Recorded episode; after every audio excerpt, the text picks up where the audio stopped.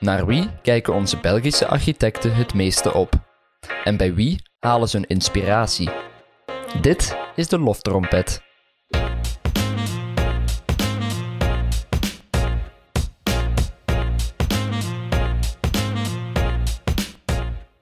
Welkom bij een nieuwe aflevering van de Loftrompet. Of het nu gaat om een frisse wind die veelbelovend is voor de toekomst, of een vaste waarde waaruit ze al jaren inspiratie halen, één ding staat vast. In deze podcast prijst één architect telkens één Belgische en één buitenlandse collega de hemel in. In deze aflevering mogen Thomas Roelands van Marge en Luc van Hout van Architects in Motion de loftrompet steken. Maar voor we beginnen met deze lofzang, eerst nog een dankjewel aan onze structurele podcastpartners. Cubus, partner in BIM voor Archicad, Solibri en BIMCollab. Assiver, verzekeringsmakelaar gespecialiseerd in polis voor architecten en ingenieurs. Wienerberger, meer dan 200 jaar ervaring in baksteen, kleiklinkers en keramische dakpannen. En tenslotte Callus Communication, communicatiepartner gepassioneerd door technologie, bouw en HR.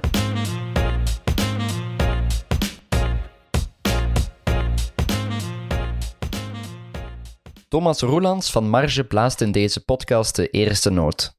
Ik vond dat een heel moeilijke vraag eigenlijk. Um, ik merk dat, dat, er, dat er is heel veel talent Je ziet heel veel dingen passeren en je, pikt eigenlijk uh, gebouwen op, denk ik. En dingen dat je interessant vindt, onderzoeken, pikt je op.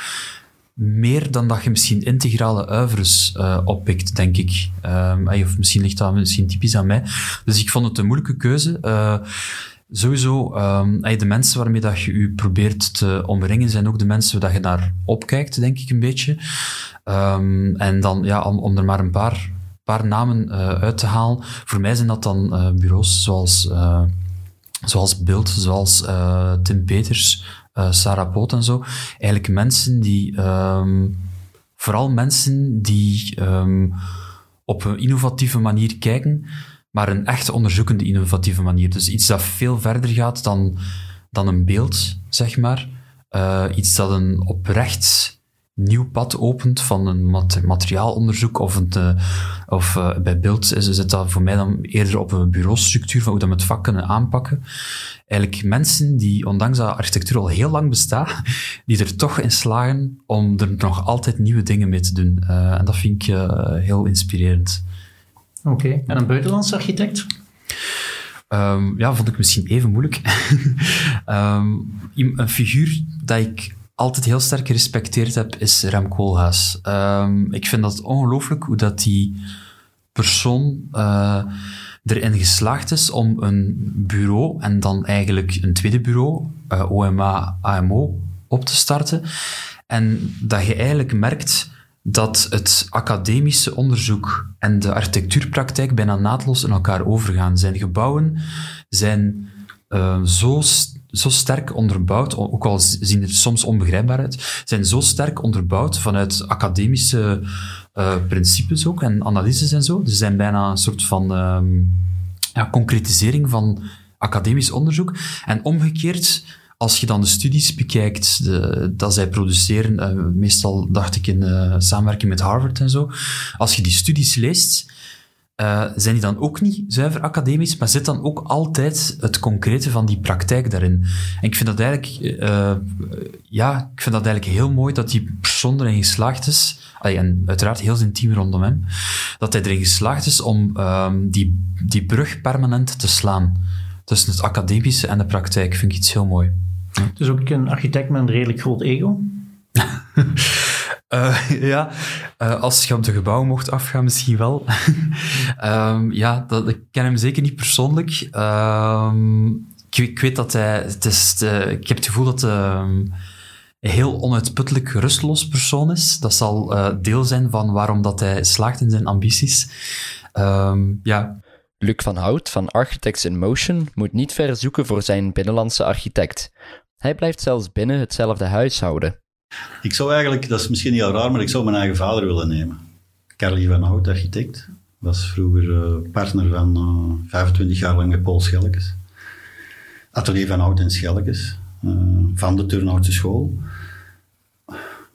Nu, wij zijn momenteel bezig samen met het Vlaams Architectuurinstituut en uh, het voormalig Provinciaal Architectuurinstituut onderzoek te doen naar de archieven van zowel mijn grootvader als uh, Carly van Oud en Paul Schelkes. En ik kom eigenlijk tot de vaststelling dat mijn vader eigenlijk de brutalist avant la lettre was. Hè. Julian Lampens generatie, die, en ze kennen elkaar ook. En ik merk nu aan de tekeningen die ik zelf uit de kelder haal nu en die we openrollen, de kalken, de hand van, van de meester, bij wijze van spreken. dat is altijd toch een beetje ondergestoft geweest in het discours omdat ten eerste, en dat lag voor een groot stuk ook aan zichzelf, dat hij geen interviews gaf of hij was niet geïnteresseerd in, in de communicatie as such. En hij, gaf, ook geen, eh, hij had geen leerstoel op de academie of zo, dus hij was vooral met zijn projecten bezig en met zijn medewerkers bezig. Dus eigenlijk is hij wat in, naar de schaduw verdwenen. Maar ik merk nu, door dat onderzoek te doen, dat uh, wat eigenlijk zijn verdiensten is geweest. En als we vandaag spreken over ruwbouwsafwerking, dan denk ik dat hij een van de grondleggers is. Hij was ook de oudste. Hè? Hij was acht jaar ouder dan Paul Schelkes en Lou Jansen. Dus hij was eigenlijk de oudste van de Turnhoutse school. En hoe, hoe sterk leek je op je vader? Ik ben een van oud in de Schelkes, dus ik ben een mix van de twee. Ik, ik, voel mij wel een people manager. Dat wil zeggen dat ik, uh, ik kan mensen inspireren en aanraken en, en, en, proberen van het beste eruit te halen. Daar ben ik wel goed in. Ik denk dat mijn vader dat ook kan. Nu, ik weet toen dat ik 12 jaar was, ben ik een keer in de kasten gaan snuisteren bij ons en ik vond uh, foto's van mijn moeder die naakt op een betonelement zat bij ons in de woning. En ik heb die weggegooid, omdat ik, als kind vond ik dat niet kunnen, dat mijn moeder daar, dat er een naaktfoto van mijn moeder was. Maar nu vind ik dat natuurlijk jammer, want moesten we die nu nog hebben, dan zouden we kunnen zeggen, daar, waren, daar was die generatie mee bezig. Die waren bezig om die hadden dat ontworpen, ruwe bakstenen, beton. En dan moest mijn moeder daar naakt gaan poseren en dan trok hij daar een foto van. Dat is toch iets onvoorstelbaar. Dus, en dat geeft zo, allee, dat vind ik, vandaar dat ik ook zou willen zeggen, ja, ik mag nu zijn naam, gezien ik het plateau krijg hier, mag zijn naam een keer vernoemen. Terecht, terecht. Via uw vader heb jij ook uh, Julian Lampens leren kennen persoonlijk? Of? Nee, nee, nee. nee. Toen was ik te jong. Hè. Je moet weten dat toen de woning bij ons, hè, de, niet de woning van Jozef Schelks, maar van mijn vader.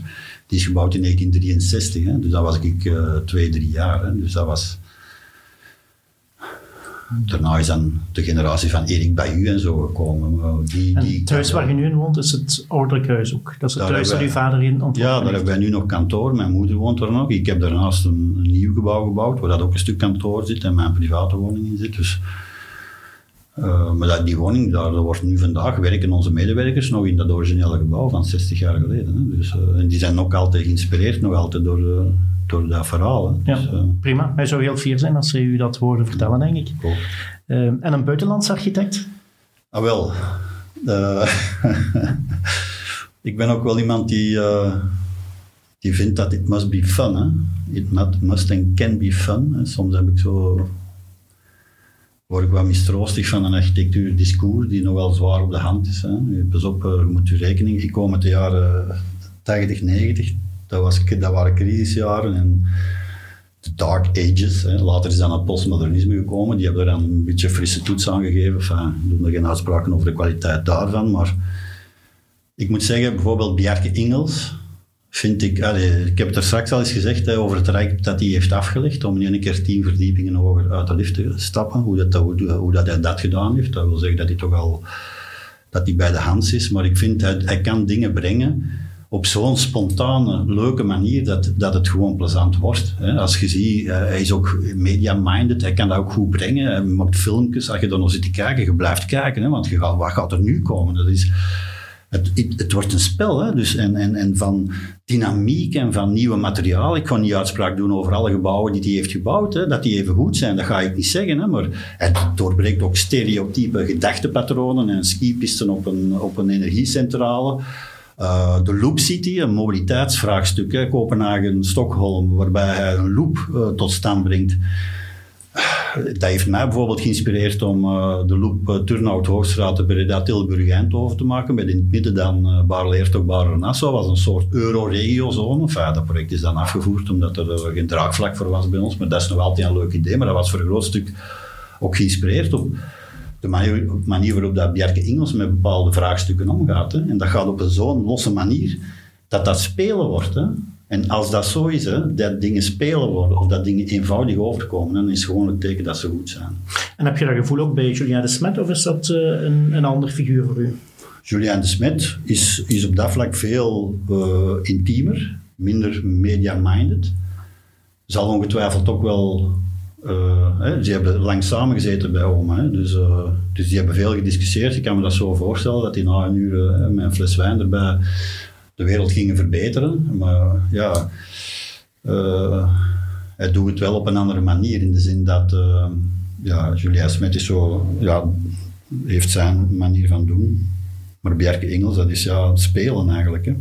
Mhm. Nu, oké, ondertussen is dat ook een heel groot bureau geworden. Hij moet zelf al uh, opletten dat hij nu niet de grote fouten gaat maken van de grote bureaus en waarbij het allemaal niet meer te controleren is en het een beetje hè, uh, verwatert en zo. Dat het originele uh, idee dat dat, dat dat wordt afgebroken. Maar ik vind de, de lichtheid en de fun waarop dingen kunnen tot stand komen, dat dat in de verf mag worden. En het, vooral het enthousiasme. Hè. Als je die bezig ziet, dan, dan krijg je gewoon goesting. Hè. Allee, ik bedoel, is toch geen waarom, waarom dat wij het doen. Hè.